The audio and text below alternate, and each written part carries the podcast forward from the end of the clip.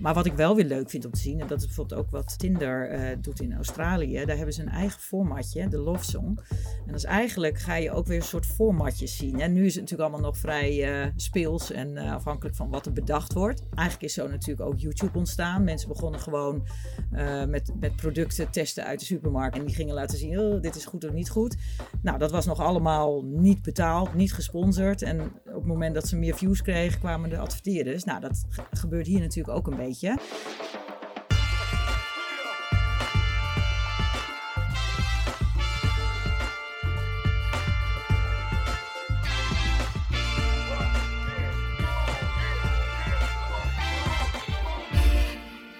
Goedemorgen, goedemiddag, goedenavond of wanneer je dit ook luistert. Mijn naam is Gerben van der Rijt. Ik ben Charlotte van Dijk. En dit is alweer een nieuwe aflevering van The Brief, je favoriete podcast over content, marketing en creatie van contentbureau Wayne Parker Kent. Wat zijn nou de grootste trends op het gebied van branded content? Dat willen we vandaag weten van Yvonne Bouwmeester. Zij is partner bij marketingadviesbureau 3MO. En 3MO is mede-organisator geweest van het Branded Content Event. Ja, dat event was een paar weken geleden. Wij waren erbij. Gelukkig wel. En ik ben benieuwd wat voor nieuwe dingen zij heeft gehoord. En wat haar het meest verraste. Of dingen haar nog verrassen eigenlijk. Want begint branded content niet een beetje oud te worden? Toch gebeurt er een hoop. Ja, we willen het sowieso met haar hebben over TikTok. Over influencers. Over de metaverse. En over, en dat vind ik leuk, contentstrategieën. Maar hoe werd Yvonne Bouwmeester de grootste branded content expert van Nederland? Dat begon al in de vorige eeuw, want in 1999 was hij bij Unilever de drijvende kracht achter eerst koffietijd en later live and cooking. De show met Carlo en Irene die ruim negen jaar lang de Nederlandse huiskamers vulde. Maar daarmee was haar Unilever-avontuur nog lang niet afgelopen. Ze koppelde Rexona aan Idols en lanceerde X Night Guide, het tv-programma waarin de Nederlandse dancewereld centraal stond. Toen, na 14 jaar Unilever, stapte ze over naar 3MO. Ze begon als digital consultant marketing en media, maar werd 10 jaar geleden ook partner. Met 3MO is ze al heel lang verantwoordelijk voor het Branded Content Event. Dat en natuurlijk haar jarenlange ervaring leverde haar een plek op in de jury bij de AMA's, categorie Best Collaborations. Ze ziet dus enorm veel kennis en werk voorbij komen. Dus ik verwacht een hoop inspiratie en cases vandaag. Welkom Yvonne. Ja, uh, dankjewel. Wat een uh, mooie inleiding. Ik ben er helemaal sprakeloos van. Ik merk het, ja. ja, Er is geen woord aan gelogen, toch? geen woord aan gelogen. maar ik heb het natuurlijk niet alleen gedaan. Hè? Dat, uh, nee, alles, nee, alles wat je opnoemt is natuurlijk altijd met collega's en met Klopt, maar we gaan vandaag gaan we jou op het podium zetten. Dus we doen net alsof jij daar de, de belangrijkste speler in was. Was natuurlijk ook gewoon zo. Um, maar daar gaan, we het, ja, daar gaan we het uitgebreid over hebben. Hoe gaat het verder met je? Uh, goed, hartstikke goed. Uh, mooie tijden nu. we hebben hè, onlangs, jullie zeiden het zelf, ons Branded Content Event weer kunnen organiseren. Na twee jaar met z'n allen toch binnen hebben gezeten. Ja. Ehm, en los van Branded Content doen we natuurlijk andere dingen. Er zijn weer mooie projecten. Dus met het bedrijf gaat het goed. Maar persoonlijk gaat het ook goed. Goed zo. En hoe was het om weer een event te doen na twee jaar? Heel leuk. En eigenlijk wilden we hem al vorig jaar uh, oktober doen, want we hadden hem uitgesteld tot nadat het weer uh, zou kunnen. Toen zouden we hem in januari doen, toen zouden we hem in maart doen, maar gelukkig is die in mei eindelijk doorgegaan. Dus het was superleuk en daardoor hadden we ook wel een, een meer dan lange voorbereidingstijd.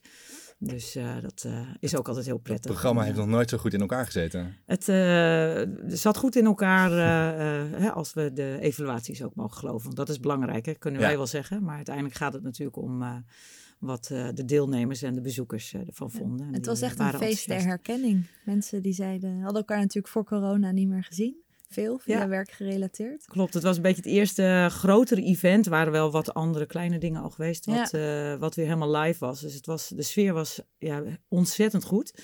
En uh, uitgelaten bijna, hè, wat ja. jij zegt. Uh, hè, de, ja, heel enthousiast iedereen. Ja. En, ja. En uh, los daarvan waren de sprekers ook allemaal weer blij dat ze natuurlijk ook uh, op een podium ja. uh, konden staan en hun kennis delen. Dus nou, het was echt wel een feestje. Vonden we zelf ook, maar ook de bezoekers. Ja. ja.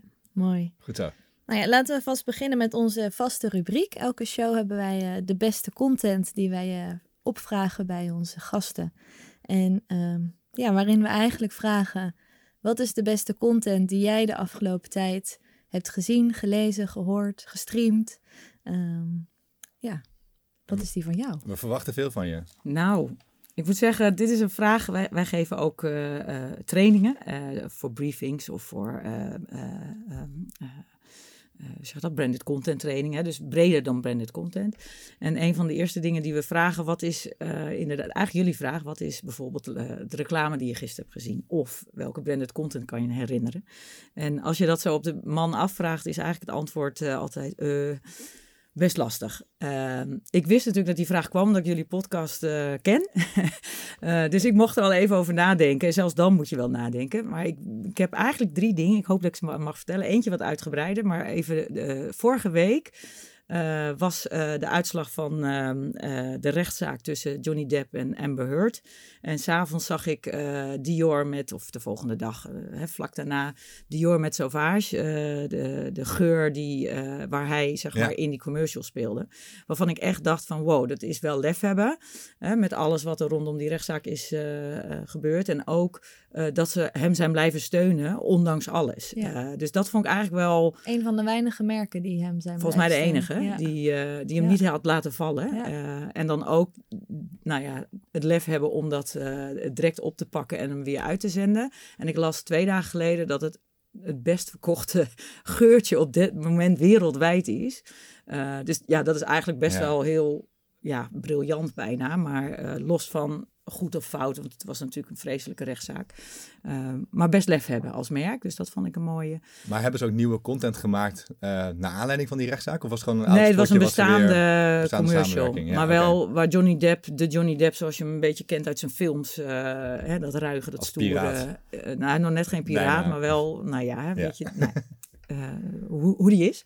En een andere, uh, die heb ik doorgestuurd nog naar mijn collega's. Die vond ik ook wel lef hebben. Ik hou wel een beetje van lef. Is uh, van Zeepje met S.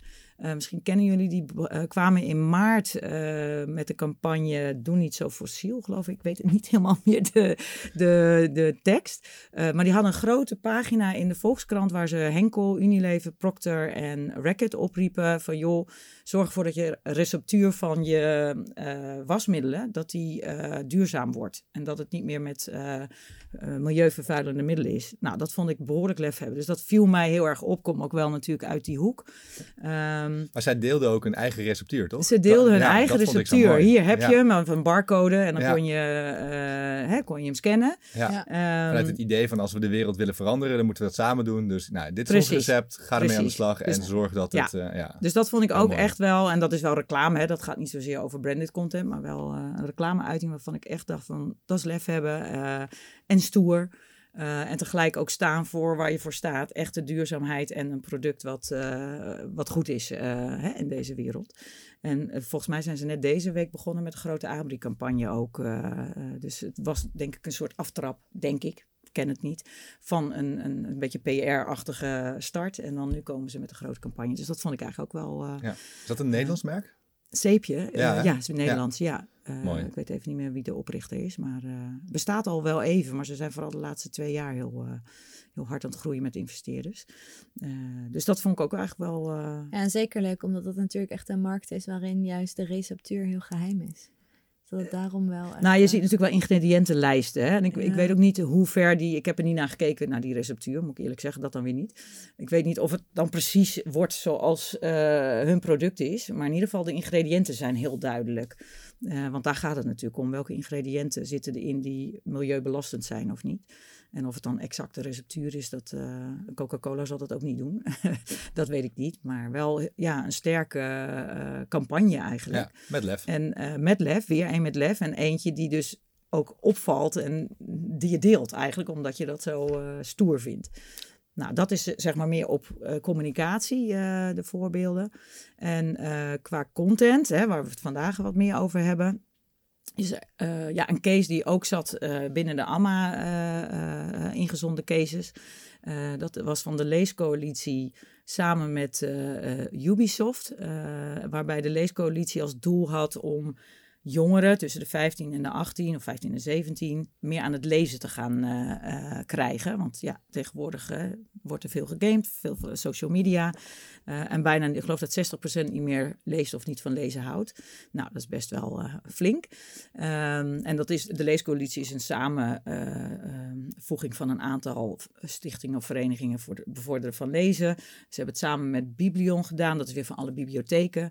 En zo is die samenwerking door Two Basics dat is een reclamebureau, uh, is eigenlijk opgestart. En hebben ze met Ubisoft, de grootste game, uh, een van de grotere gamemakers, hebben ze een samenwerking zijn ze aangegaan waar ze verhalen hebben gecreëerd in een app. Dus het zijn niet zozeer boeken, maar wel verhalen geschreven door onder andere Ronald Giphart en Margje, nou, ik ben even de achternaam kwijt. Um, dus echt vanuit literatuur wel kijken hoe kun je die verhalen achter de game uh, uh, ja, eigenlijk stretchen. Uh, en die verhalen ook weer elementen geven van de game. Dus de hoofdrolspelers uit de game zitten erin met plaatjes en video's. Dus het wordt een het is niet helemaal nieuw, maar hè, vroeger is dat wel eens eerder gedaan. Maar nu werd het echt voor de jongeren gedaan. En, uh, Was dat ja, ook een specifieke game dan waar ze dit voor Ja, deden? de Assassin's Creed Valhalla. ja. ja. ik zie niet zo... Uh, ik heb wel een zoon die Klinkt games, bekend, maar, ja. maar het schijnt ook een van de populairste games uh, te zijn op dit moment. Dus dat... Uh, hè, dat is heel slim om die dan ook te pakken. En juist ook die doelgroep. En dan ook met een app van Ubisoft zelf. Dus ook binnen die doelgroep hè, een app waar dan die verhalen in uh, te lezen waren. En waar ze dus meer achtergrond kregen achter de characters van de game. Dus hè, zo is dat opgezet. Nou, Mooi. super interessant. Het mooie is dat je. Het zijn een beetje tegenstrijden, tegengestelde werelden, game en lezen. Die breng je samen. En ze noemden het ook readification. Vond ik ook echt wel een mooie term. Um, en misschien is die ook niet nieuw, maar uh, nou ja, in ieder geval wel uh, afgelopen tijd. Hè. Um, en uh, ja, de jongeren hebben ook aangegeven dat ze hierdoor toch wel aangezet worden om meer te lezen. En omdat ze het toch wel heel leuk vinden om op die manier verhalen te lezen in plaats van alleen maar te gamen. En nou, ook weer lef, toch, hè, om dit te doen. En uh, wat ik begreep toen de Amma, ze hebben Gouden Amma gewonnen, uitgereikt werd, is dat ze er ook een vervolg aan gaan geven. Dus het is dan niet eenmalig, want dat zou het mooiste zijn dat je dit structureel natuurlijk gaat doen. Ja. Dus dat het niet een eenmalige samenwerking is, maar ook een structurele of met andere partijen gelijksoortige samenwerkingen. Leuk. Dus, en, en qua resultaten? Uh, nou ja, wat ik zei, uh, het is niet zo dat je meer boeken verkoopt, want dat was het doel niet. Het was uh, het doel nee, om maar meer werd, te gaan. Werd er veel gelezen in die app, zeg maar? Werd die veel ja, zeker, zeker. iets van, ik weet niet meer, maar uit mijn hoofd 85.000 downloads ook van jongeren die daar echt die verhalen zijn gaan lezen en die ook hebben aangegeven dat ze daardoor significant meer interesse hebben in, in lezen. En heel, eigenlijk, heel enthousiast zijn geworden door ja, door deze uh, uh, actie. En wat je ook zag is dat er ontzettend veel PR was. Ik weet niet of jullie dat zelf hebben gezien, maar het heeft in RTL Nieuws gezeten. Goedemorgen Nederland. nou, bijna elk nieuwsmedium heeft het wel opgepakt. Dus er is ook heel veel PR geweest. Hè, natuurlijk ook in het jeugdjournaal. Hè, dus, dus het is echt goed opgepakt ja, om dat belang van lezen onder jongeren toch ja, ook nog een zet te geven. Dus ook enorme PR-waarde uh, gecreëerd. Dus Ja, een goed. mooi, uh, mooi pareltje. Ik begrijp het vanuit de leescoalitie om zo'n game publisher te, te, te, te pakken eigenlijk. Wat was denk je de reden voor Ubisoft om hier aan mee te doen? Um, dat weet ik niet. Dat, dat is uh, de gokken. Ik kan me voorstellen dat zij ook wel er belang bij hebben dat de balans tussen hè, met gamen, dat kinderen of jeugd niet zich nou ja, te veel verliezen en te verslaafd raken, dat je ook uh, uh, ja, hè, een andere vorm van ontspanning, het lezen van verhalen, dat je dat ook uh, wil bieden. Ja. Maar dat is mijn interpretatie, hè? Ja. dat is niet wat ik weet. Nee, ik kan me ook voorstellen dat je nog een extra wereld creëert rondom je game heen. Dus Ook. dat die verbinding Ja. alleen maar sterker wordt met, Dat kan eh, ook, met eh, gamers eigenlijk. Dank voor je tips. Meervoud, dat waren de drie, drie goede tips. Eh, we zetten ze alle drie in de show notes. Die zijn voor alle luisteraars te vinden op www.debrief.nl. Dus ben je benieuwd, neem een kijkje. En daar vind je linkjes naar alles wat we net genoemd hebben. Maar ook naar alles wat we zo meteen gaan noemen. Tijd voor het gesprek, maar nu eerst even dit. Ben jij goed in het opbouwen van relaties met klanten? Weet jij ideeën om te zetten in concrete business cases? En werk je graag mee aan grote en creatieve pitches? Dan hebben wij de baan voor jou. Bij Wayne Parker Kent zijn we op zoek naar een nieuwe accountmanager om te werken met merken zoals Samsung, Aldi en Eristoff. Lijkt het je wat? Meld je aan via de website. Yvonne, we gaan het vandaag eh, veel hebben over branded content. En daar bestaan verschillende definities van. Eh, is het nou alleen content gemaakt in samenwerking met een, eh, met een zender of met een uitgever? Of is het alle content die gemaakt wordt door een merk en betaald wordt door een merk? Welke definitie hanteer jij? Ja, dat is een leuke vraag. Eigenlijk is branded content uh, net zo breed als je het zelf ook definieert. Hè. Wat ik al eerder zei, we geven ook trainingen in branded content. En een van de eerste slides, nou niet de eerste, maar wel in het begin, dan kijken we ook uh, naar alle vormen van soorten branded content. Nou, branded content in de vorm zoals jij het schrijft is één vorm. Hè? Dus eigenlijk met publishers of met partners, of hoe je het ook wil uh, uh, benoemen. Uh, nou, tegenwoordig is ook door de opkomst van digital is natuurlijk het hele native content of native advertising is ineens een term alsof dat iets anders is. Nou, dat zit ook eigenlijk wel in de hoek van branded content, alleen het is vanuit een digital hoek. We hebben partijen die het ook wel hebben over storytelling, wat ook een vorm is van, maar dat is meer de manier waarop je de branded content invult. Custom content wordt ook wel eens benoemd. sponsorship content. Nou, er zijn eigenlijk best wel veel definities van. Um, en eigenlijk maakt het niet zoveel uit of het branded content is content vanuit je brand. En het is niet advertising, dat is eigenlijk wat we vaak zeggen. Uh, want het kan best zijn dat je zelf een waanzinnige YouTube-serie hebt ontwikkeld uh, vanuit je eigen merk, waarbij wel de inhoud entertainment of informatie is waar je wel je merk in verweest, maar wat niet een merkboodschap per definitie is. Dus dan is het wel branded content. Um, um, wat je prima zelf kan doen. Dus owned, hè? je owned branded content. En met publishers of met partners, ja, dan is het de branded content zoals jij hem uh, benoemt. Uh, maar dat is voor ons geen harde lijn. Nee. Hè? Het zit in, start eigenlijk met je strategie, in hoeverre je zelf iets wil ontwikkelen of dat je het met partners doet. En het kan allebei branded content zijn. Ja. En die strategie gaan we, gaan we straks uitgebreid over hebben. Ik wilde eerst even gewoon die definitie gewoon even helder hebben voor alle luisteraars ook. Dat we weten van, nou, als we het vandaag over branded content hebben, dan hanteren we dus deze definitie. Ja. Uh, dus, dus goed om uh, dat even, even rechtgezet te hebben. En misschien nog wel om het ingewikkelder te maken. Ik weet niet Oeh, of dat mag doen. Ja, doe maar. We hebben het ook nog over content marketing. Uh, ja. En het content marketing is meer het, het, hele speelveld van content binnen je strategie. dus dat is niet alleen maar branded content, maar branded content kan wel weer een onderdeel, zijn ja. van je content marketing strategie. Dus ja. het, het maar wordt best wel door elkaar voor gebruikt. service doeleinden bijvoorbeeld bij kijken. Bijvoorbeeld, dat gaat veel verder ook nog. Ja, check. We gaan uh, even een klein stapje terug doen uh, om te beginnen, want je hebt heel lang bij Unilever gezeten. Uh, en al heel vroeg was je daar met branded content bezig. dat begon met koffietijd. voor onze jonge luisteraars, wat was dat voor programma?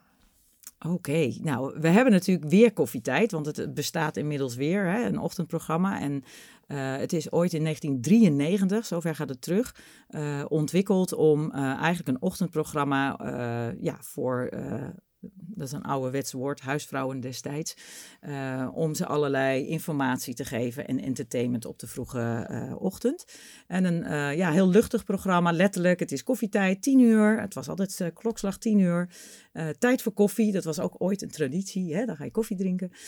en dan kwamen er gasten langs. er werden spelletjes gespeeld, er werd gekookt, er werd een metamorfose voor, voor leuk voor je haarkapseltje gedaan. Dus het was een heel informatief, uh, leuk, entertaining uh, programma.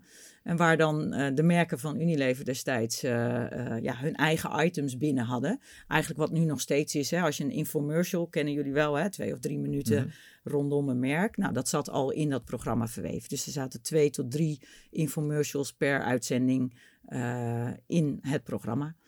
Dus uh, ja, eigenlijk een, een, branded content platform voor de merken van Unilever. En dat waren best wel wat merken. Ja, en je vertelde eerder al dat jij, jij was business manager koffietijd. Koffietijd, ja, een hele dat chique was, titel. Dat was de titel die jij had binnen Unilever. Dus eigenlijk de vrouw achter de koffietijd vanuit Unilever.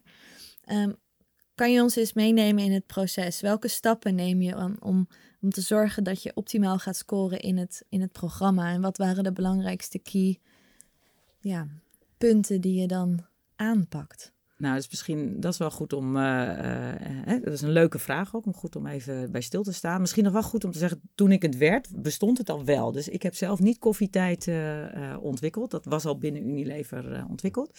Um, ja, hoe, hoe werkt het? Kijk, het is ontwikkeld samen destijds ook met producenten en uiteindelijk samen met een zender uh, hè, is daar een plek voor gekomen en uh, ging het van start. Hè? Zo moet je, moet je het uiteindelijk zien. Um, en um, we hadden een groot aantal merken die dan binnen dat platform een sponsored item kregen. Nou, hoe werkte dat dan? Is dat we echt met de redactie om tafel gingen. eh, per merk eerst een briefing. Eigenlijk is het proces niet veranderd. Dus eh, wat is de briefing vanuit het merk? Nou, elk merk heeft een briefing voor communicatieontwikkeling. En daar staan je doelstellingen in, je doelgroep, uh, de boodschap. Uh, waarbij het natuurlijk wel zo is dat de briefing voor een commercial of voor uh, andere vormen van communicatie vaak jouw boodschap letterlijk hè, weer terugzien. Dat is bij content natuurlijk niet zo.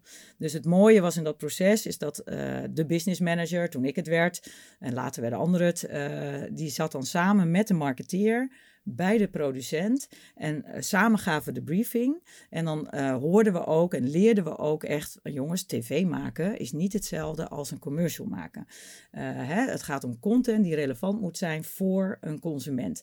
En wat je dan met elkaar eigenlijk deed, is thematieke domeinen verkennen voor dat merk met die doelstellingen die pasten. Dus uh, een, een, match, hè, dat was ook op ons event, hè, Alfred Levy kwam daar bijvoorbeeld mee, hè, dat de match is, is, is de magic. een match vinden tussen een thema, bijvoorbeeld koken is natuurlijk heel makkelijk. Dat werd wat eten we vandaag. Dus nou, alle merken vanuit food pasten natuurlijk logisch in recepturen van wat, wat eten we vandaag. Maar als het gaat om Andrelon destijds, ja, dat werd een metamorfose, de Andrelon metamorfose. Uh, en dan zat uh, uh, een kapper, in dit geval was dat toch Marie van der Ven, en die verraste iemand, die kreeg een metamorfose, een voor en een na.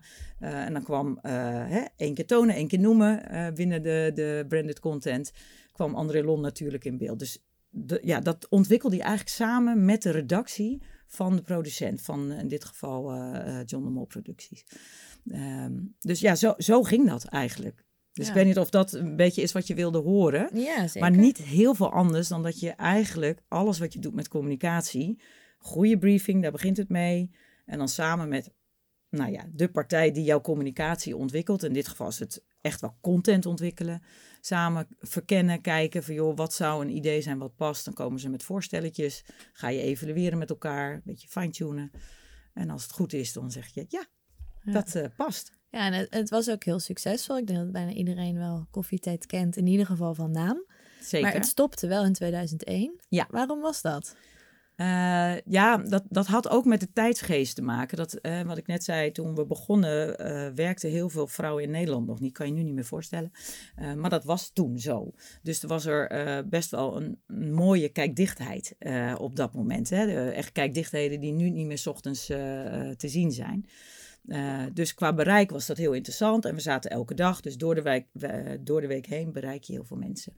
Ehm, nou, dat werd gaandeweg de jaren eh, steeds minder. Eh, waardoor op een gegeven moment dat bereik natuurlijk onder druk komt te staan. Dus toen eh, eh, ik ook business manager koffietijd werd, was wel de vraag: kunnen we een nieuw platform ontwikkelen wat op een ander timeslot, want we geloofden nog steeds ook heel erg in dat tv-platform, op een ander tijdslot een grotere groep mensen kan bereiken. Ehm, en zo is eigenlijk weer van scratch af aan, het net is opgehaald intern. Wat zijn de doelgroepen? Wat zijn de, beetje de gemeenschappelijke eh, thema's, doelgroepen over die merken heen? Ehm, briefing, eh exploitanten of niet exploitanten, eh, producenten uitgenodigd. Eigenlijk een pitch gedaan voor een nieuw format. En zo zijn we eigenlijk op live in cooking gekomen. Ehm, waarvan we natuurlijk nog niet wisten of het een succes zou worden. Dat is natuurlijk altijd met eh, Ja. een nieuw platform. Dus we hebben één jaar gedubbeld. Eh, dus En dat was dan op de zondagmiddag. en dat was zondagmiddag tussen vijf en zeven. Het moment dat iedereen weer thuis kwam voordat er gegeten werd. Het ja, familie-chill moment eigenlijk. Eh, dus een heel mooi tijdslot wat eh, gepakt is. En ook eh, een goed tijdslot. Ja. Ja. En, en waarom paste dat op dat moment dan beter bij Unilever?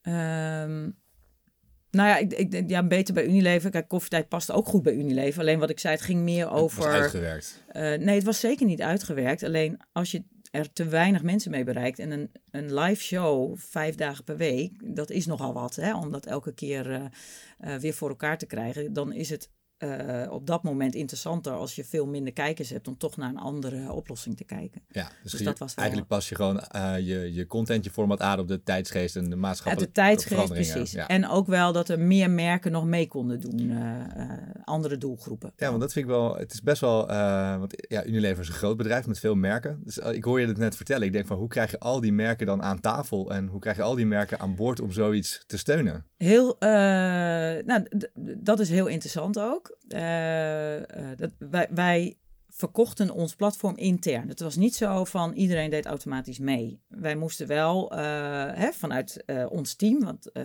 mijn rol zat binnen het mediateam. Mhm. Vanuit ons team moesten we natuurlijk wel onze merken overtuigen dat het nou ja, goed werkt voor je merk om ook branded content in te zetten.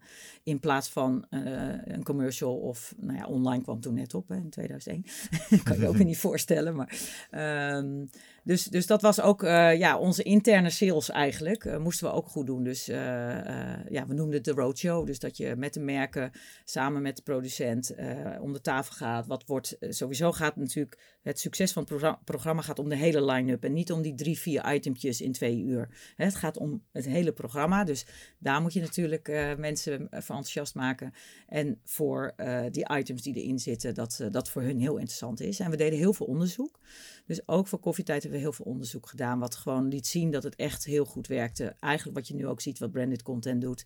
Het kan heel goed werken op je awareness. Het kan goed werken op je consideration. Het kan je imago versterken. Dat, ja, dat wisten we toen ook wel. Dus dat Ja. hielp natuurlijk ook wel. Ja, ik kan me voorstellen, want als het zoveel moeite is om zo'n programma in de lucht te krijgen, dan moet je wel goed kunnen onderbouwen wat er dan oplevert. Zeker. Dus ik wilde inderdaad al weten wat jullie, eh, wat jullie qua resultaten altijd eh, ja, konden laten zien. Ja, En ho- hoe deden jullie die onderzoek om daar dat te achterhalen? Gewoon marktonderzoek. Dus echt eh, de sponsor fit. Eigenlijk, ja, als je nu de onderzoeken kijkt, deden we dat toen eigenlijk ook al. Dus vanuit tracking, eh, mee laten lopen, mensen eh, vragen in hè, de, de non-exposed versus de exposed. En dan ja, eigenlijk effectiviteit van de inzet bepalen. Word je herkend hè, als merk? Als je herkend wordt, wat doet het dan op je verschillende image statements? Dus dat werd echt wel eh, goed onderzocht. Ja, maar wel vooral op merkassociaties dan. Of ook op meer richting het ja, onderaan de funnel, meer richting verkoop ook. Ehm, vanuit fast mover vooral ook op merk, omdat vanuit marketing bouw je aan je merk. En als je een sterk merk hebt, dan verkoop je natuurlijk ook. Mooi. Je hebt nog veel meer toffe dingen gedaan bij Unilever. Op welk branded content initiatief naast live en cooking en koffietijd ben je eigenlijk het meest trots? Nou ja, ik ben eigenlijk wel trots op, niet voor mezelf, maar gewoon op eh, wat we als Unilever eh, hebben ontwikkeld. Eh, dat is, kijk, koffietijd was al fantastisch, want het is echt wel de moeder van de branded content programma's. Even los van dat er al gesponsorde soaps waren en Rad van Fortuin had je al hè, met wat producten en dergelijke. Of hè, boodschappenspellen, nou, dat soort zaken. Ehm, dus koffietijd was natuurlijk een heel mooie start. Live cooking was een heel mooi vervolg. Ehm Idols was ook voor Rexona een heel, echt een hele mooie eh, sponsorship. Zijn ook wel wat dingen eh, niet goed gegaan. We hebben ook een beauty en zo ooit gehad. Is gewoon op de buis geweest. Dat was, we hebben live en cooking. Wat heel erg op, op natuurlijk cooking iets meer nadruk dan live. Dus kunnen we niet ook nog iets vanuit meer de, de personal care merken een beauty eh, programma. Nou, dat, dat is wel op de buis geweest, maar dat was niet zo succesvol. Dus is niet altijd zo dat het ene, dat alles lukt. Maar de, datgene wat gelukt is, daar, zijn we, daar ben ik trots op, maar daar zijn we trots op. Dus dat is niet eh, alleen aan mij. Wat was precies de samenwerking van, eh, van Rexona en, eh, en Idols? Ehm, nou, Idols bestond al. Volgens mij was het één jaar al geweest. Ehm, eh, en Rexona, ook dat weer als we straks hebben over waar kies je over. Eh, wa- wa- waar, eh, zeg, sorry, waar begin je? Dan ook daar was weer vanuit Rexona heb je een jaarplan. Je hebt doelstellingen, je hebt budget. En je hebt ja, met dat budget die doelstellingen te halen. En we hadden best wel een uitdaging op awareness. Eh, omdat we minder grote budgetten hadden dan bijvoorbeeld concurrenten die alleen deo's hadden. Eh, hè, want Unilever heeft natuurlijk heel veel eh, merken. Dus hoe konden we met een, nou ja, beperkt, nog steeds een mooi budget, beperkte budget dan concurrenten, hoe konden we toch die awareness omhoog krijgen? Nou, Idols was al een jaar aan de gang. Ehm, nee, dat is niet waar. Idols kwam in Nederland, maar het was in het buitenland al een jaar aan de gang. En in het buitenland was het dan een succes. Ehm, en samen met het mediabureau destijds hebben we toen gekeken, moeten we niet branded content gaan inzetten, specifiek voor Rexona, een succesvol platform waar we ook awareness kunnen creëren door daar ehm, eh, aan te participeren. En zo is dat eigenlijk gekomen. Dus wel heel erg vanuit de strategie, hoe kunnen we met het budget wat we hebben nog slimmer onze awareness uh, doelstellingen halen. En uh, wetende dat Idols een succes was in het buitenland, was de kans ook groot dat het hier een succes zou worden. Dus toen zijn we gaan samenwerken met... en dat was echt zeg maar waar wij meegingen op een bestaand platform. Ja, en hoe zag, die, hoe zag dat sponsorship er op dat moment dan uit? Wat, was er gewoon alleen maar product placement en één keer noemen, één keer roepen? Of? Ehm, ja, we hebben het uiteindelijk vier jaar gedaan. Dus best wel. Dus er zat ook een soort opbauw in. Het eerste jaar was het heel erg uh, eromheen, inderdaad. Uh, hè, met billboarding in het programma. Uh, de momenten in. nou als ze naar de wc gingen en het was stressvol. even een deo. Hè, zoals je ze nu ook kent, product placement-achtig. En daarna en dat was al heel succesvol het eerste jaar, puur voor de awareness. En daarna zijn we het gaan uitbouwen naar de winkelvloer. Uh, door uh, ook, het eerste jaar hebben we trouwens ook nog posters gedaan. Het tweede jaar hebben we sjaaltjes gedaan van de laatste eh, misschien ja, herinner je kan dat. ik me die nog wel herinneren. Ja, ja dus toen hebben we de link naar de winkelvloer gelegd. Dus en dat hebben we zelf gedaan met partners van ons. Uh, waardoor uh, de sjaaltjes in het programma kwamen. die kon je vervolgens, als je twee deo kocht, kon je een sjaaltje van je favoriete winnaar, hè, favoriete idol krijgen. En dan hadden we de laatste drie daar hadden we die actie mee. Nou, dat was een hele puzzel, want we wisten natuurlijk niet wie de laatste drie waren. Dus we hadden een soort afvalrace inschatten van hoeveel sjaaltjes moeten we dan hebben. Uh, dus dat was een hele Excel-sheet met, uh, uh, ja... kansberekening. Kansberekening, serieus. en, en dan die laatste drie... Met Jim en Jamai sowieso bovenaan. Jim en Jamai, ja. ja. Ja, zeker. Nou, je zegt wel van, dit is, het was een veilige keuze, want Idols was een succes in het buitenland en het kwam naar Nederland, dus dat zal wel goed komen. Maar ja, je bent natuurlijk, je hebt geen garanties. Dus wat dat betreft heb je ook nog wel, uh, dat vind ik wel mooi aan alles wat je vertelt. Je hebt koffietijd, heb je uh, brand content mee op de kaart gezet in Nederland en groot gemaakt. Uh, je neemt ook wel zo'n risico met een nieuw programma waar je dan meteen op inspringt. Dus ik hoor dan ook wel heel vaak gewoon lef hebben terugkomen in al Ja, maar dat, dat is vanuit Unie, dat is niet alleen ik, hè, want ik ben niet degene die, dat is echt vanuit het team, vanuit ook het mediateam, dat, dat we hadden echt een mediateam die voor Unilever breed werkte. En dan kan je ook nou ja, dit soort initiatieven uh, aandacht en tijd geven. en ook ja, de onderbouwing ervoor goed rondkrijgen. Van joh, dit is echt goed voor ons, dit moeten we doen. Dus dat is echt wel, denk ik, ook de verdienste van het feit dat Unilever al vanaf best wel lang uh, media management heel strak georganiseerd heeft. En echt een mediateam had over de merken heen. Uh, waardoor dit soort initiatieven ook van de grond uh, kwamen, zeg maar. Dat je veel breder kan kijken. Ja. Ik denk nou, dat dat ook wel uh, belangrijk is daarin. Ja, en, en, toen na een half leven bij Unilever belandde je bij 3MO. Zeker, want we hebben het heel lang over Unilever. Ja. Ik ben al heel lang weg. Precies, en daar zit je nu nog steeds. Um, dus ik ben eigenlijk wel benieuwd, waar kunnen merken jullie voor bellen? Uh, nou, heb je even? Nee, maar. Korte pitch graag. Korte pitch. Nou ja, 3MO staat voor uh, uh, Maximizing Marketing and Media Opportunities. Dat waren drie M'en en een O. Zo zijn we ooit begonnen. En dat was eigenlijk de naam. Dus uh, niet als 3MO nog, maar echt Maximizing Marketing and Media Opportunities. Nou, dat onthoudt niemand. Dus werden we er al snel, hebben we er 3MO van gemaakt. En dat is eigenlijk wat we nog steeds doen op het vlak van marketing, communicatie en media. Uh, uiteindelijk is dat allemaal marketing. Alleen wij splitsen wel, omdat marketing gaat echt over positionering, propositieontwikkeling. Communicatie gaat over vervolgens je positionering vertalen en je proposities in goede communicatie. Nou, hè, dat is de samenwerking met bureaus, dat is uh, je communicatiestrategie. Hoe schrijf je goede briefings? Dus daar geven we trainingen in, advies over way of working uh, branded content uh, trajecten begeleiden. En media, en dat gaat dan over vervolgens als we dan positionering en communicatie ideeën op orde hebben, hoe ga je het vervolgens distribueren? Nou, daar gaat natuurlijk ook heel veel geld in om. dus ook op dat vlak doen we reviews. we doen ook voor eigenlijk alle vlakken ook pitchbegeleiding. Dus best wel heel breed. En eigenlijk zijn wij, we noemen het altijd een beetje de rechterhand van marketeers. afhankelijk van het vraagstuk wat er ligt, helpen we dan. En we kijken wel als er een issue is op media of op vraagstukken op media, ja, zit het daar? Of zit het misschien al in de basis bij je positionering? Of is je propositie niet helemaal helder? Dus waarom werkt een mediaplan niet? Is dat door het bureau? Of komt het eigenlijk omdat je uh, dienst of product nog niet helemaal helder is? Of je communicatie-idee misschien toch niet zo heel krachtig? Dus zo kijken we eigenlijk altijd. En we mogen voor hele mooie opdrachtgevers werken. Ja, en stel zo'n vraagstuk is, uh, gaat over branded content. Dus een merk komt bij jullie en zegt van, ik wil iets met branded content. Ik heb daarover gehoord. Ik hoor er al 10, 20 jaar wat over inmiddels. Ja. Uh, hoe, ga, hoe ga je te werk? Waar begin je?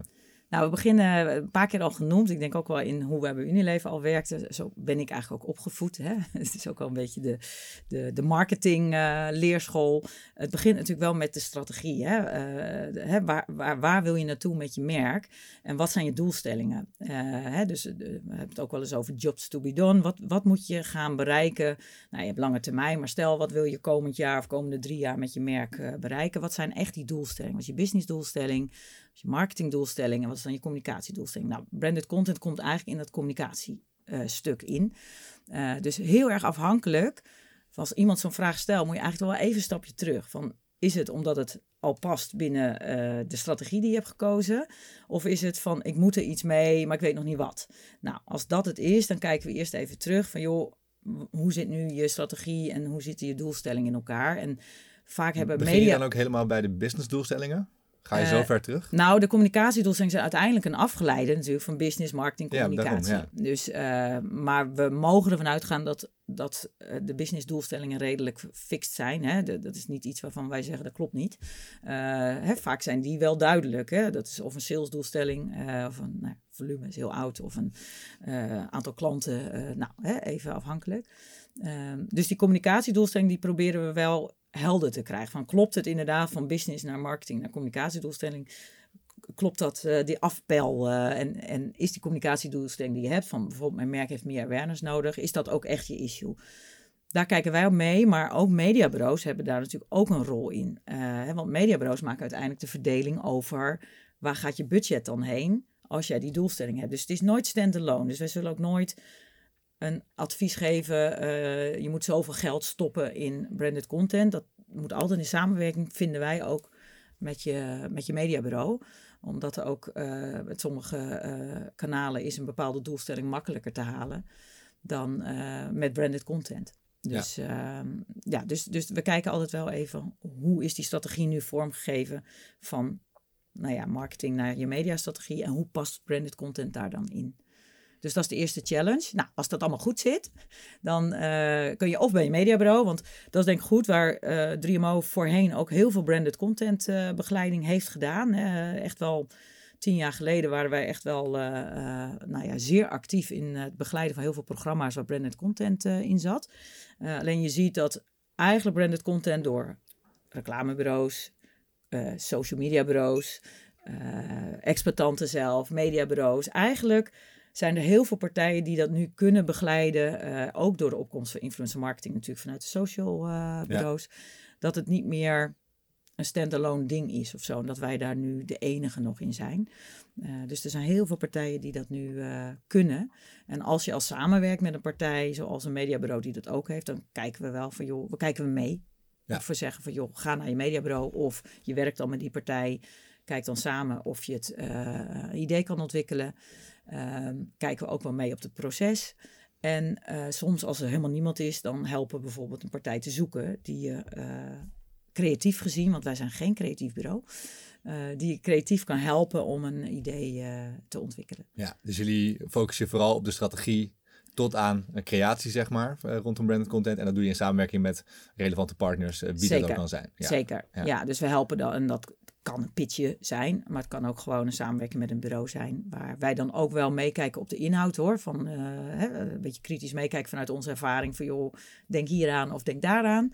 Uh, dealmaking ligt een beetje aan met welke partner uh, je werkt. daar kan het mediabureau natuurlijk goed op meekijken. Maar als het bijvoorbeeld een, een afspraak is vanuit ehm, ik zeg maar het creatief bureau en er zit een mediacomponent in, ja, dan is het wel handig dat of het mediabureau of wij daar ook nog even op meekijken. Van joh, klopt die waarde een beetje? Dus dat is heel, uh, heel wisselend. Ja, en als je dan kijkt, je hebt natuurlijk over de afgelopen jaren heel wat bedrijven en bureaus geadviseerd, eigenlijk bedrijven voornamelijk. Waar zie je dat vaak de meeste uitdagingen liggen? Waar, waar lopen ze vaak het meest tegenaan? Ehm, nou ja, ik moet zeggen, de laatste jaren is dat wel uh, verbeterd. In het begin was ook de onderschatting hoeveel werk het is om uh, een goede branded content samenwerking op te zetten. Het is toch anders eigenlijk dan het uh, brieven van een commercial of een ander creatieve uiting. Want daar ben je heel erg in control. Dan zeg je, dit is mijn boodschap en vertaal die boodschap in een relevante uiting. Nou, dat is natuurlijk bij branded content ook al zo, maar branded content gaat ook over uh, content creëren die, die zo relevant is dat jij je met je merk daarvan leent eigenlijk. Dus dat is net even anders. Dus dat is niet jouw boodschap in die content uh, zetten, proppen. ja. En dat is, dat is een ander, dus inhoudelijk is het net anders. En het proces is veel intensiever. Uh, hè, want je, daarnet was de vraag, hoe deed je dat dan met al die merken? Ja, dat was niet voor niets dat er een functie was om dat allemaal te coördineren. En dat geldt ook voor wat grotere branded content samen, maar ook voor online of als je een YouTube-serie wil ontwikkelen. Het is echt wel serieus tijd wat je erin moet stoppen. Dat doe je er niet even bij. Het is niet één briefing en klaar. Het begint pas eigenlijk uh, bij je eerste concept en dan ben je waarschijnlijk ook nog lang bezig uh, met het fine-tunen van past het nu, want de uitdaging blijft. Je wilt toch dat je merk er goed uitkomt. Uh, en degene die de content ontwikkelt wil dat het content is die echt relevant is. Zodat uh, het publiek, hè, de, de doelgroep, het interessant vindt om er naar te kijken, te luisteren, te lezen, te klikken of wat dan ook. En die uitdaging is wel heel groot bij, uh, bij branded content. Voor, uh, ook voor ons, hè? dat is voor iedereen die met branded content werkt. En, en hoe ga je die uitdagingen dan te lijf? Hoe help je ze er doorheen? Um, nou ja, ook wel bewust worden dat branded content wat anders is dan een uh, uh, gewone uh, communicatie. Hè? Dus gewone advertising. Dus het verschil tussen advertising creëren, wat ook echt niet makkelijk is. Hè? Om echt goede advertising te creëren. Dat wil ik niet doen dat dat wel makkelijk is. Maar advertising versus echt content. Dat, dat je bij content net nog een, ja, een stap verder moet gaan om een, een domein of een thema of uh, uh, een format te creëren. Wat, wat echt uh, ja, raakt. Waar, waar mensen echt denken: dat is voor mij, dat is leuk, dat wil ik zien. En het maakt niet uit dat het gesponsord is, want dit is zo leuk. Hè, het is niet dat mensen zeggen: wauw, gave content. Hè, mensen moet je inspireren. Ja. En nou. Ik weet niet of dat helemaal het antwoord is. Nou, het is gewoon, het is gewoon niet makkelijk. Maar het is, het wel, is niet makkelijk. Maar als het werkt, nee. dan doet het veel voor je merk. En dan moet ik zeggen, mij, dit is als je echt wat grotere samenwerking doet. Je hebt natuurlijk ook, want valt het onder branded content, stel dat je, uh, dat doen merken, hè? Stoof doet dat bijvoorbeeld nu, dat warmtekussen, die kopen billboardings in rondom programma's. Dat is eigenlijk de sponsorship van het programma. Dat is bijna misschien advertising, maar je leent wel, uh, uh, hè, je gaat daar zitten waar je doelgroep zit en op een slimme manier gebruik je billboarding. Nou, dat is allemaal niet zo ingewikkeld. Dus Ja. dat, maar dat is bijna advertising eigenlijk. Eh, dus als we dat als branded content zien, want dat hoort er vaak nog wel weer een beetje bij, hè, billboarding, eh, dan, eh, dan is het wat simpeler. Dus je hebt natuurlijk de simpelere vormen tot aan totale integratie. Bijvoorbeeld perfecte plaatje met Canon. Nou, dat is echt wel een, een, dat moet een nauwe samenwerking zijn, om dat zo, zo geïntegreerd te kunnen maken. Ja. En hoe, hoe meer geïntegreerd, hoe intensiever je samenwerking. Kan ik me helemaal voorstellen, ja. We hebben het al een paar keer genoemd ook, Branded Content Event. Laten we snel eh, daar wat verder op inzoomen en kijken Ja. naar de, ja, de, de laatste trends die daar voorbij zijn gekomen. De vetste cases die we hebben gezien. Dus we gaan het hebben over TikTok, over de metaverse gaan we het zelfs hebben. Eh, maar ook nog wel iets meer over de, ja, de juiste contentstrategie. Dus laten we daar snel mee verder gaan. We willen om te beginnen nog iets dieper inzoomen om nou de juiste strategie achter, eh, achter brand content. En we hebben het in het begin al genoemd. Je kan eh, grofweg gezien content maken voor je eigen kanalen als merk of voor kanalen van anderen. Eh, maar wanneer adviseer je nou een bedrijf om welke route te volgen?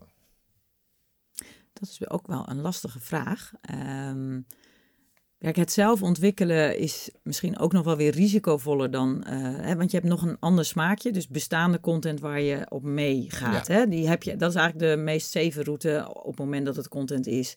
Of een platform of online. Of een influencer die al zijn sporen verdiend heeft. En je gaat daar met je merk mee samenwerken. Dat is eigenlijk dan nog kan je risico lopen, maar dat is de meest safe route. Dan uh, eventueel samen met een, een partner, wat voor partner dan ook, content ontwikkelen. Ehm, is, is nou, weet je ook nog niet wat het wordt, maar dan deel je wel samen eigenlijk het risico. of je doet het helemaal zelf, maar dan loop je zelf het risico. Dus het is eigenlijk net van, het heeft ook wel een beetje met budget te maken natuurlijk. Van heb je ruimte in je budget om te testen en te leren en iets nieuws te ontwikkelen? Um, of ja, hè, wil je toch wat meer zekerheid dat als je met een bepaalde partner die zijn doelgroep heel goed kent, die zijn thematieken goed op orde heeft, om daar samen wat mee te ontwikkelen en ook de kennis heeft. Dus het ligt ook een beetje aan het, het, risico wat je kan lopen ook. Hè? Want als je ergens twee ton in investeert en het loopt mis, is het wel voor niets geweest.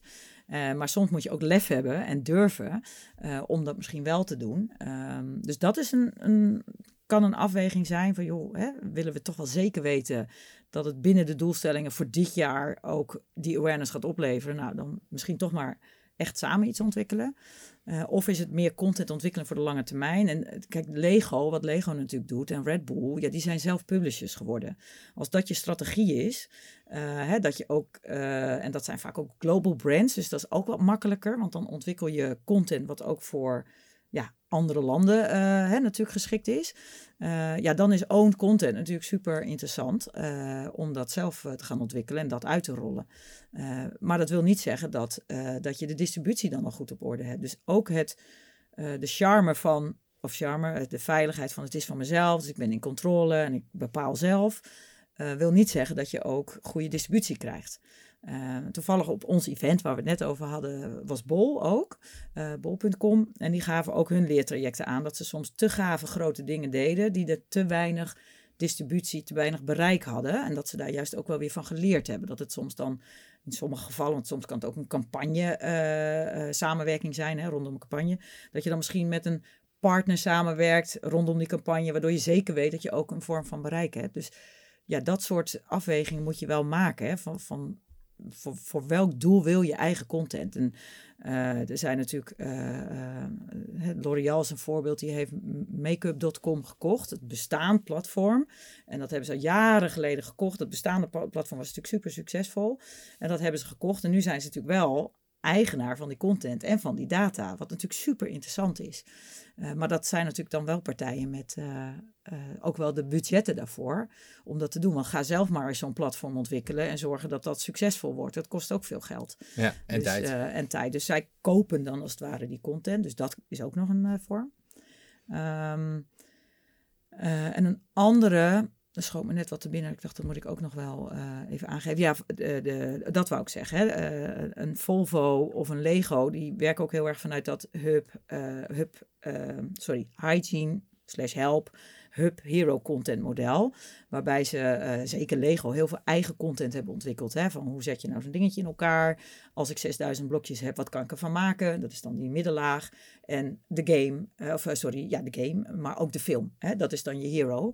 Um, die hebben daar echt wel een strategie waar ze zelf die content maken. Maar uiteindelijk, Lego Masters is natuurlijk briljant, ook weer een briljante vorm van content. Dat doen ze toch wel weer met partners. Ja. Dus naarmate je uh, hè, vanuit de hygiene uh, help content kan ik me voorstellen dat dat wat meer je eigen content is. Hè. Dat gaat meer over hoe werkt een dienst, een product. Of hè, dat zijn vaak de video, uh, de how-to video's. ja, dat is vaak owned. Um, maar naarmate je ja, wat hoger in die funnel gaat, dan zie je ook vaak wel dat, dat je met partnering ook een stuk verder komt. Ja. Zeker om het ook wat en groter... sneller verder ook. En sneller verder, ja. ja. ja. Maar je hebt dan natuurlijk, ja, het ligt natuurlijk volledig aan je doelstellingen. Ik kan me ook voorstellen dat als je je eigen content maakt, dat, dat, zien wij ook bij onze klanten. Dat gaat ook heel erg om het stukje klantbinding en het, het maken en hebben van de data van je klanten, Zeker. het leren kennen van je klanten, om vervolgens dan ook weer verder mee te kunnen. Ja. Um, maar ja, we zien eigenlijk dat afhankelijk van die doelstellingen, dat branded content gewoon best wel ver komt. Dus van het genereren van meer klanten of meer klantbinding, bezoekers tot de grotere omzet of following. Ja. Dat maakt in die zin eigenlijk niet uit elke keer lijkt branded content toch wel een soort van doortastender te zijn dan de traditionele advertising in de nummertjes. Waar denk je dat dat vandaan komt? Ja, ik weet niet of het of het altijd echt goede advertising, een, goede uh, big idea, wat je heel goed doorvertaalt in je kanalen, werkt natuurlijk ook kan, hè, fantastisch voor een merk. Alleen op enig moment heb je dat misschien staan en dan moet je verder. Hè. Je wil dieper in je funnel gaan, je wil je consideration of een bepaald imago veranderen. Ja, dan kan een branded content heel goed helpen. Als eigenlijk alles al best goed staat, hoe ga je dat dan nog verbeteren uh, en, en nog een laagje dieper brengen? Ja, dan kan branded content juist heel goed helpen. Uh, en ja, voor merken die, die wat kleinere budgetten hebben, kan soms branded content ook. Hè, dat is het voorbeeld dat ook in het event uh, weer langskwam. Hè, hoe ooit Koeker bijvoorbeeld uh, uh, gelanceerd is, die inmiddels natuurlijk gewoon alles doet, is via een, een, partnership met Gooise Vrouwen. Hè, paste heel goed in die doelgroep, bij de kijkers. werd ook in het programma werd hij gewoon neergezet, zodat je ook zag dat er met die koeken gewerkt werd. Ja, dat was een, met een relatief klein startbudget, heel slimme branded content samenwerking. Met natuurlijk alles eromheen. Hè, want het, de, de billboarding en de, de, de product placement samen maakt het natuurlijk dat het uh, groot wordt. Dus soms kan branded content ook een slimme manier zijn als je niet geld en tijd hebt om een hele nieuwe campagne te, te maken. Uh, om ook op die manier een start te maken. Uiteindelijk uh, zal je altijd en-en nodig hebben. Ik, ik, hè, dat, met Fishtails is bijvoorbeeld ook zo'n mooi merk. Wat helemaal via de, die, die, die shortest cookies, cooking uh, video's. Ik weet niet of jullie Fishtails kennen. Nee. Um, dat is ook een, een, nou ja, het is al wel weer van een paar jaar geleden. Het is een, een merk wat ook nu in de supermarkt gewoon te verkrijgen is hè, voor visproducten, van alles. Um, en is begonnen met de kortste kookshow om te laten zien dat uh, visbereiden helemaal niet zo moeilijk is. Want visbereiden vinden heel veel mensen toch een beetje spannend. Um, en dat is met... Maar eet het ook rauw hier, toch? Ja. Gemakkelijk. dat is het allermakkelijkst. En uh, uh, degene die Visdeels uh, dat merk heeft neergezet, ik ben Bart van Alfen, of van Olfen, ik weet niet meer helemaal, die is naar een reclamebureau toegestapt hier in Nederland en heeft gezegd, joh, kunnen jullie mij helpen om mijn merk uh, toch uh, aandacht te geven, maar ik heb niet zoveel budget. En zo is het idee ontstaan van de kortste kookvideo's, ik geloof 6, 7 seconden. En dat was zo hit op Instagram dat het wereldwijd opgepakt is. En ze kregen daardoor distributie bij Albert Heijn. Ze zijn samenwerking met Jamie Oliver aangegaan in Engeland. Dus dat is de start geweest. Dus eigenlijk is branded content, wat was gewoon branded content, maar dan in de vorm van een kookvideo, uh, is de start geweest van een eigenlijk een merk, een heel uh, ja, succesvolle uh, start van een merk. Dus ja, daar ja. kan het ook bij helpen. En uiteindelijk, als je dan groter wil, ga je op enig moment ook wel en en doen. Hè? Dan komen er ook wel commercials of andere online advertising. Dus ik geloof wel in en-en hoor. Echt alleen branded content. Ook eh, natuurlijk nu met influencer marketing. Ergens is het nog steeds wel uh, dat het elkaar versterkt. We weten allemaal dat multimedia natuurlijk hè, het beste werkt. Dat je ze enerzijds pakt inhoudelijk misschien met een thematiek. Maar anderzijds nog ook wel uh, benadrukt waar je merk voor staat. Ja. Wat ik ook wel over, over resultaat gesproken. Er was ook op het event een onderzoeker uh, aan het einde van de dag die uh, de Byron, ja. ja. Byron Sharp uh, ja, modellen zeg maar, in de praktijk heeft getest.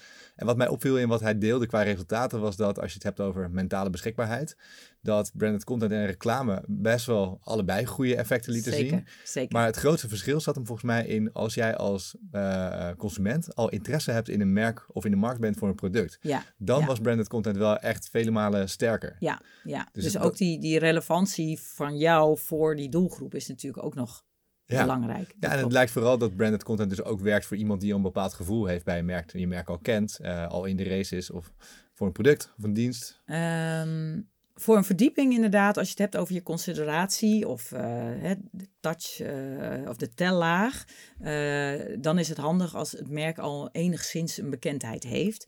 Dan werkt dat harder door. Dat is denk ik wat je bedoelt. Hè? Dus dat je precies in die, die ja, noem het maar de, de, de, de, de middellaag, daar heeft het zeker heel veel waarde. Daar wordt branded content ook, als je het in de strategie hebt, zit hij ook vaak daar. Ja. alleen voor awareness kan het wel werken op het moment dat je natuurlijk met platformen of uh, uh, content samenwerking die ook een hoog bereik, dan kan awareness ook nog een doelstelling zijn.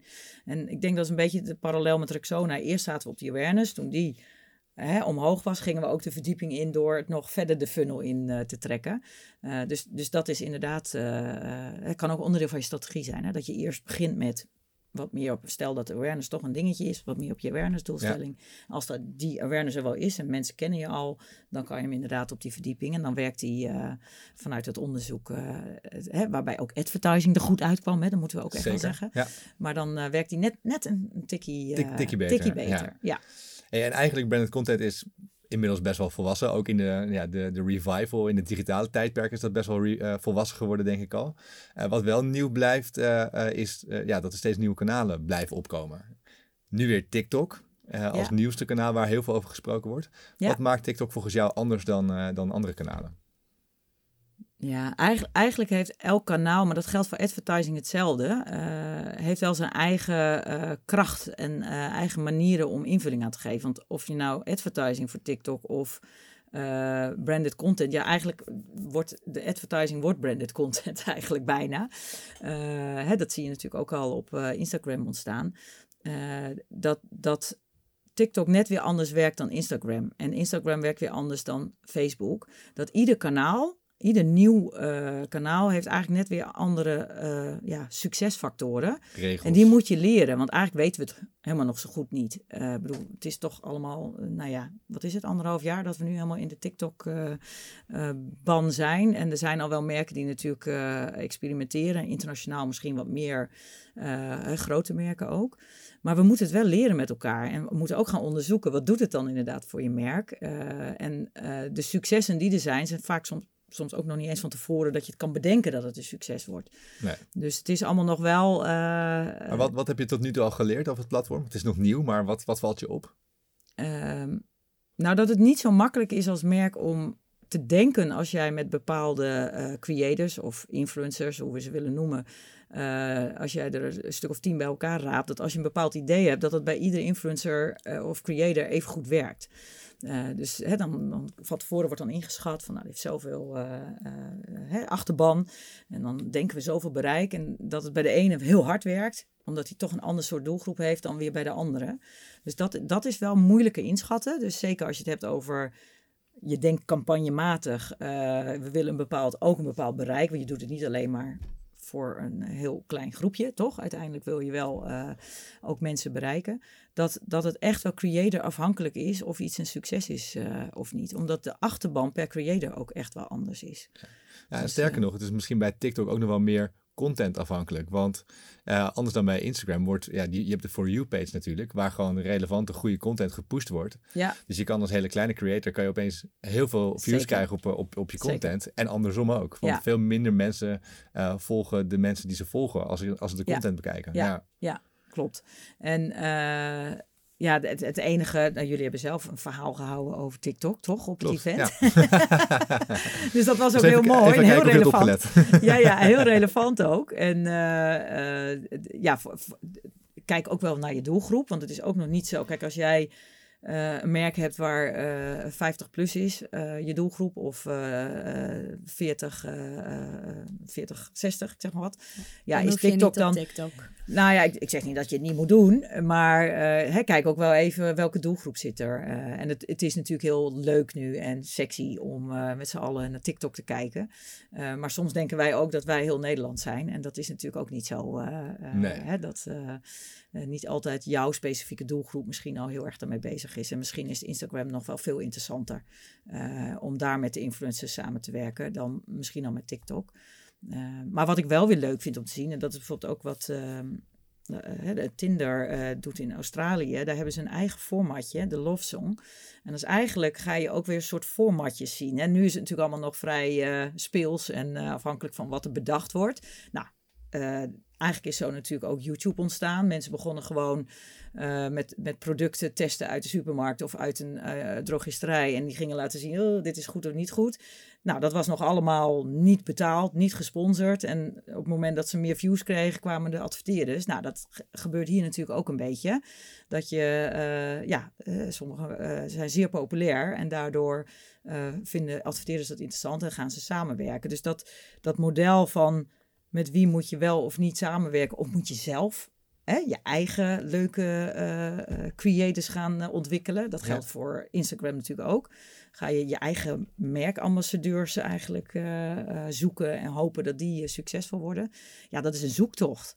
Is niet iets wat zo. eh, en daar de bureaus ook zoals eh, eh, eh, jullie. Ik weet niet of dat mag zeggen, maar. Dat mag je zeggen, ja. Hè, die, die helpen de adverteerders daarbij natuurlijk. En ook, je krijgt nu TikTok-bureaus, de ene naar de ander komt. die gaan adverteerders natuurlijk merken helpen om nou, hopelijk goede ideeën te, te formatjes bijna. Maar wat, wat, wat vind je dan als je, je, je loopt best wel een tijdje mee, wat vind je dan van die hele, die hele trend rondom influencers? De trend rondom influencer, ja, Ja, dat- het, het is here to stay, denk ik. het lastige wel van influencer, en dat was ook tijdens het event, dat het regulier, reguleren van creators en influencers, dat loopt natuurlijk nog achter op het reguleren van alles wat eh, eh, advertising eh, is. En ook branded content in, de, in de, nou ja, noem het maar even, traditionele media. Nou, daar zijn nu, worden stappen gezet. Het is natuurlijk al dat er gezegd moet worden, dit is een ad. Of nou ja, hè, in ieder geval dat het duidelijk is dat het gesponsord is. Eh, nou ben ik even jouw vraag. nee, ik was gewoon benieuwd wat je van de trend van alle influencers Oh ja, ja, vindt. dit- ja. ja, nou ja, wat zorgwekkend is, is dat ze uitwisselbaar zijn. En je moet als merk wel goed nadenken. Eh, ik geloof heel erg in structurele samenwerking en partnerships. Op het moment dat je echt eh, met influencers dat soort samenwerking aan kan gaan, dan denk ik dat het wel eh, goed. En natuurlijk kan je een keer voor een kleine campagne ad hoc iets doen. Maar kijk er niet raar van op dat de concurrent over drie maanden ook met die influencer Nee. samenwerkt. Dat, dat vind ik het nadeel met ja, toch wel het hele influencer. Ja, dus je eh, moet het niet alleen doen omdat zo'n influencer, maar, eh, of zo'n influencer op dit moment hot is. eh, en voor, puur voor het bereik, maar ook omdat je gewoon echt een match hebt met... Met het, ah, ja, Ja. ook weer de, hè, de, de, wat is het? Ik zeg nieuwe wijn in oude zakken. Of, ik weet niet hoe die gaat. Ja, die. Ja. Die, Eh, hè, ook daar weer, kijk goed naar die match. Hè? En is, want het zijn bijna merken, hè, die influencers. Zeker de grotere. En dan hebben we natuurlijk allemaal nog de, de micro, de macro, de nano, nou, noem maar op. Eh, hè, dat zijn wat minder misschien merken, maar die hebben kleinere eh, followers. Ja, kijk goed of dat past. En wat is de toon ook? Wat voor een publiek hebben ze? En ook op YouTube, hè, als je een bepaalde influencer van YouTube hebt. eh, ja, wat, wat voor een reacties zie je? Wat voor een toon? Hè? Hoe wordt er, eh, wat voor taalgebruik kan al een, een, een reden zijn om misschien te denken, nou, dat past misschien niet helemaal bij mijn merk. Als ik daarmee ga samenwerken, ik krijg misschien wat grovere reacties. Of eh, hè, moet ik dat dan willen? Als dat een beetje taalgebruik. Dus ja, dat is wel, die match is echt super belangrijk in samenwerken. Ja. Maar dat geldt ook voor een online platform of een tv-programma. Of eh, eigenlijk geldt die match vanuit het merk met, met wie je dan ook samenwerkt. Ja, die is super belangrijk. Ja. Nou ja, we hebben natuurlijk in het afgelopen gesprek al best wel wat voorbeelden voorbij zien komen, horen komen vanuit jou. Ehm, en ik ben eigenlijk de hele tijd nog wel heel erg benieuwd van wat is nou eigenlijk het beste, eh, de merk of campagne die jij vindt dat het heel goed doet op het moment. Als we het hebben over zo'n match, als we het hebben over... Nou ja, het perfecte plaatje eh, is wel weer een beetje, het voelt een beetje weer als de traditionele eh, vorm van branded content. Maar dat vind ik wel een samenwerking waar de content totaal geïntegreerd is. Dus eigenlijk het merkcontentstuk met het, met het eh, entertainment programma stuk. Ja, bijna mooier dan dit kan ik me niet voorstellen. Ja. Dat je twee, drie minuten lang kijkt, eh, apparaat, eh, fototoestel X moet je gebruiken met die en die lenzen. Je moet dat instellen. En een half uur later, oh, voor deze opdracht moet je dit en dit doen. Eh daaromheen hebben ze natuurlijk ook nog van alles. Hè. Ik geloof ook wel heel erg in 360. Dus als je al een partnership hebt, ook met influencer, zorg ervoor dat het eh, hè, ook via je own media, via eventueel andere kanalen ook weggezet wordt. Nou ja, dat, dat, dat vind ik wel een heel mooi. eh, en zeker omdat het nu ook weer is. Hè. Het is niet iets wat eenmalig is. Het is gewoon al Lange een paar termijn. jaar. Ja. Ik geloof inderdaad, net als eh, vroeger praxis met eigen huis en tuin, was het natuurlijk ook een. En dat tot aan de winkelvloer was dat helemaal doorvertaald. Ja, dat zijn wel hele mooie samenwerkingen. Maar nu op dit moment is dat perfecte plaatje. Voor echt het influence. Ja, ik, ik weet bijvoorbeeld van, maar dat is ook om- omdat ik eh, het merk goed ken. hè. Tele2 heeft een hele mooie samenwerking met Bram eh, Krikke gehad. Eh, Alles voor de Follow hebben daar volgens mij ook in ieder geval nominaties voor gehad. Dat was ook een hele mooie samenwerking. Maar die is, daarna was die wel klaar, zeg maar. Maar dat was wel heel succesvol. Ja, Meer een campagne. meer campagne, eh, branded content campagne Ja, eigenlijk. precies. Klopt. Ja, Ja, ja, ja. en dat zijn ook wel, hè, daar heb je ook echt wel pareltjes van. Ehm, Nou, in podcasting heb je natuurlijk, eh, is, hè, als we het hebben over trends. eh, Ja. eh, ik vind zelf ANWB best wel, een, een de verborgen verhalen vind ik best wel slim. Hè, door de wandelroutes te koppelen aan spannende verhalen. Het is wel voor een bepaalde doelgroep, hè. dat is echt niet voor de jeugd. Maar- ANWB-publiek. ANWB-publiek. Dus best heel slim. Dus dat zijn best wel mooie. En dat is wel structureel. Dat is niet iets wat één keer één leuke podcast, maar gewoon structureel komen ze daarmee terug. Ja. Ja, Eh, we zijn stiekem zijn we inderdaad wel behoorlijk wat trends aan het bespreken die, eh, die voorbij kwamen op het event. Nou, los van wat we nu hebben besproken, wat, wat, wat viel jou zelf het meeste op? eh, op het event. Ja, Ehm, nou ja, we hebben niet voor niets natuurlijk Back to the Future eh, genoemd. Ook een beetje omdat als je over de jaren heen kijkt, eh, ja, de essentie van branded content niet verandert. Het wordt alleen maar rijker en breder door al die verschillende kanalen. Ik denk wat ook wel opvalt is dat het misschien wel relevanter wordt dan ooit door de druk op, eh, ja, noem het de traditionele media, hè, de inflatie in de markt, op, op inkoop van media, door hè, toch wel minder kijken van tv. eh, alles wordt ook aan die kant on demand. eh, hè, meer on demand. Dus, dus daar komt wat meer druk op. Dus het wordt moeilijker om misschien je communicatiedoelstellingen te halen met je traditionele media. Dus branded content wordt belangrijk. En dat vind ik wel, eh, hè, dat zat ook, hè, dat- contextuele, dus veel meer dus andere, nu cookies die worden afgeschaft, dus je moet ook anders gaan nadenken over je online advertising. Dus eigenlijk wordt het, eh, vind ik heel leuk, want na 16 jaar eh, branded content event is het, want we hebben eerlijk gezegd vorig jaar wel gedacht, zou er nog interesse zijn? Hè, want branded content is nog wel een beetje een ouderwetse term. Hè? We hadden het in het begin over. Ja, moet je het niet content marketing noemen, maar ja, branded content eh, is wel, gaat ook wel weer over partnerships. En dus we vonden het toch wel belangrijk om die naam te houden. En eigenlijk na deze, eh, na twee jaar stil en deze, eh, dit event weer, hadden we wel zoiets. Nee, het is eigenlijk, het wordt alleen maar relevanter. Voor merken ook. Juist ook door al die online ontwikkelingen die er zijn. eh, door de opkomst nu ook van TikTok, eh, het influencer marketing. Het wordt eigenlijk alleen maar groter. Want influencer inzet is eigenlijk grotendeels ook branded content. Dus ja, dat, dat vond ik een mooie outtake. Ehm Metaverse hebben we het over gehad. Ik weet niet of, ik die, of je daar nog een vraag over gaat stellen. daar wil ik nog wel één dingetje over weten zometeen. Ja, dus dan parkeer ik die even. Is Dat goed. vond ik ook wel een inzicht. Hè, van wat moet je ermee? En eh, de fear of missing out noem ik dat. Van hoe, hoe moeten we nou als merken daar eh, hè, op, op inspringen?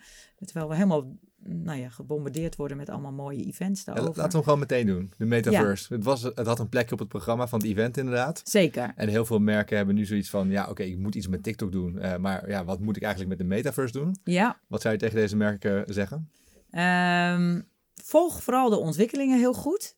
Ik denk dat voor merken die heel innovatief zijn eh, en die dat hè, ook een innovatief imago hebben, is het super interessant om te kijken, joh, kunnen wij eigenlijk wat Heineken met de Silver eh, launch heeft gedaan, Gelanceerd in de metaverse. gelanceerd in de, in de metaverse, hè, echt als een soort PR-start ook van, eh, van de campagne. Ja, super slim. Eh, eigenlijk first mover, hè? first mover advantage. Je bent de eerste die, eh, die dat pakt. Heel veel PR daaromheen.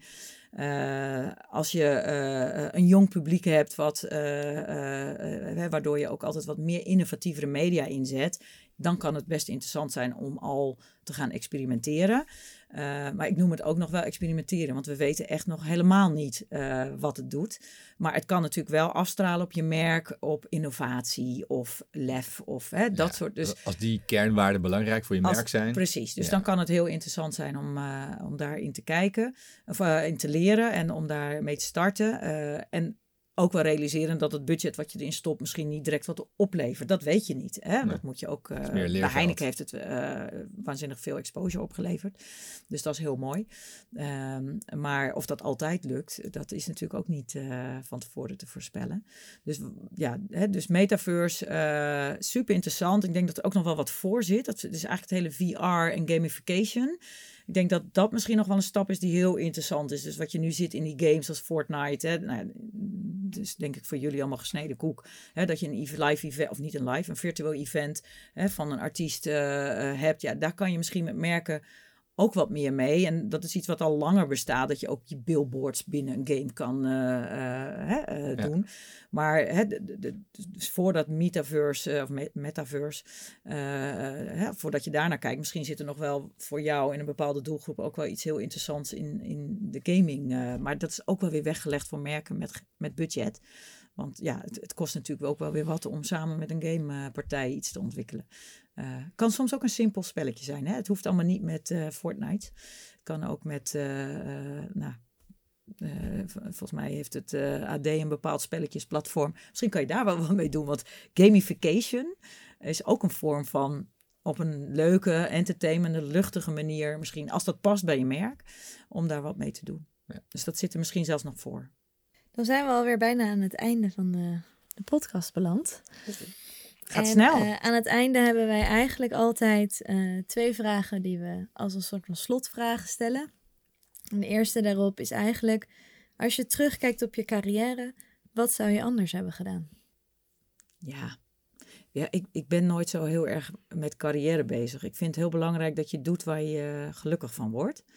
Uh, en dat heb ik eigenlijk altijd wel kunnen en mogen doen. Dus wat had ik anders gedaan?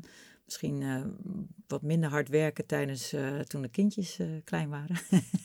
Wel heel hard gewerkt altijd en doorgewerkt. Maar um, nee, ja, altijd mooie rollen gehad. En altijd mijn ei kwijtgekund. En nu nog steeds. Dus nee, ik, blijven doen wat je leuk vindt. Dat, daar sta ik wel voor. Nee. En dat doe ik nog steeds. En wat voor tips zou je meegeven aan luisteraars die ook zouden willen werken met branded content? Ja, dat, dat zijn er op zich wel een, een, een heleboel. Hè. eigenlijk is dat een beetje wat we gaandeweg hebben besproken. Uh, als je het overweegt, kijk goed of het inderdaad past binnen je uh, marketing-communicatiestrategie. Heeft het een goede plek? Uh, dus wel borgen binnen wat je doet. Dus niet, het is leuk om content te ontwikkelen. Uh, het is leuk om een TikTok uh, samenwerking te doen. Van als je het doet, doe het wel vanuit een bepaalde reden. En leer vooral heel hard van alles wat je doet. Eigenlijk, ja, hè, de meeste successen komen ook omdat je lef hebt. En af en toe dingen probeert en doet, maar leer er ook goed van. En als iets niet goed is, is het ook niet erg, want daar leer je ook weer van. Dan weet je in ieder geval de volgende keer waar je valkuilen leggen, liggen leggen. um, ja, wat voor tips nog meer? Ja, gebruik ook de expertise van de bureaus waar je mee werkt. Of dat nou de creatieve bureaus of de mediabureaus of de contentbureaus of de social bureaus. Uh, maak daar ook gebruik van uh, in, in een samenwerking. Want uiteindelijk uh, ja, heeft ieder partij heeft expertise of expertanten. Die kennen hun doelgroepen weer heel goed, hè, contentmakers. Uh, maak goed gebruik van de expertise. Uiteindelijk doe je het samen en doe je het niet alleen als marketeer. Dus teamwork ja. is de dreamwork, een beetje een dooddoener. Maar dat, zeker voor branded content geldt dat enorm. Ja. En, en nog een laatste. Als je al een samenwerking hebt, denk 360 en niet alleen. Hè, dus hoe kun je de content die je met bijvoorbeeld een partij ontwikkelt, kan je die nog in je, hè, zorg dat je die afspraken maakt. Kan je die in je own media kwijt? Of kan je dat nog breder wegzetten dan bijvoorbeeld alleen de partner waar je mee werkt? Dat wordt ook nog wel eens over het hoofd gezien. Of dat je het materiaal net niet mag gebruiken. Of dat je, omdat het een bekend gezicht is. Ook met influencer geldt dat ook. Welke rechten heb je om het ook 360 uh, groter te kunnen maken? Ja. Dat is denk ik ook wel een En branded content is dus eigenlijk nog steeds relevanter dan ooit. Dus ga er vooral voor. Toch? Relevanter dan ooit? Zeker. Goed Absoluut. Ja. Dank. Dankjewel. Voor je, uh, voor je tijd en voor het gesprek. Graag was, gedaan. Was Leuk een, om te doen. Ja, het was een mooi inkijkje in de, in de wereld van de branded content anno nu. Dus ik denk uh, dat het voor iedereen uh, die luistert heel leerzaam was om dit, dit mee te krijgen. heb je nou geluisterd en wil je wat teruglezen? Dan, dat kun je doen in de show notes. Die vind je op www.debrief.nl. Daar kun je je ook abonneren op de nieuwsbrief van Wayne Parker Kent. Want de brief is nog steeds een productie van Wayne Parker Kent. Um, de redactie was vandaag, zoals altijd, van Olaf Deben. Uh, de productie was van Guido Wiegers. We waren ook net als altijd in de Smet Studios. En de volgende show is over twee weken. Tot dan.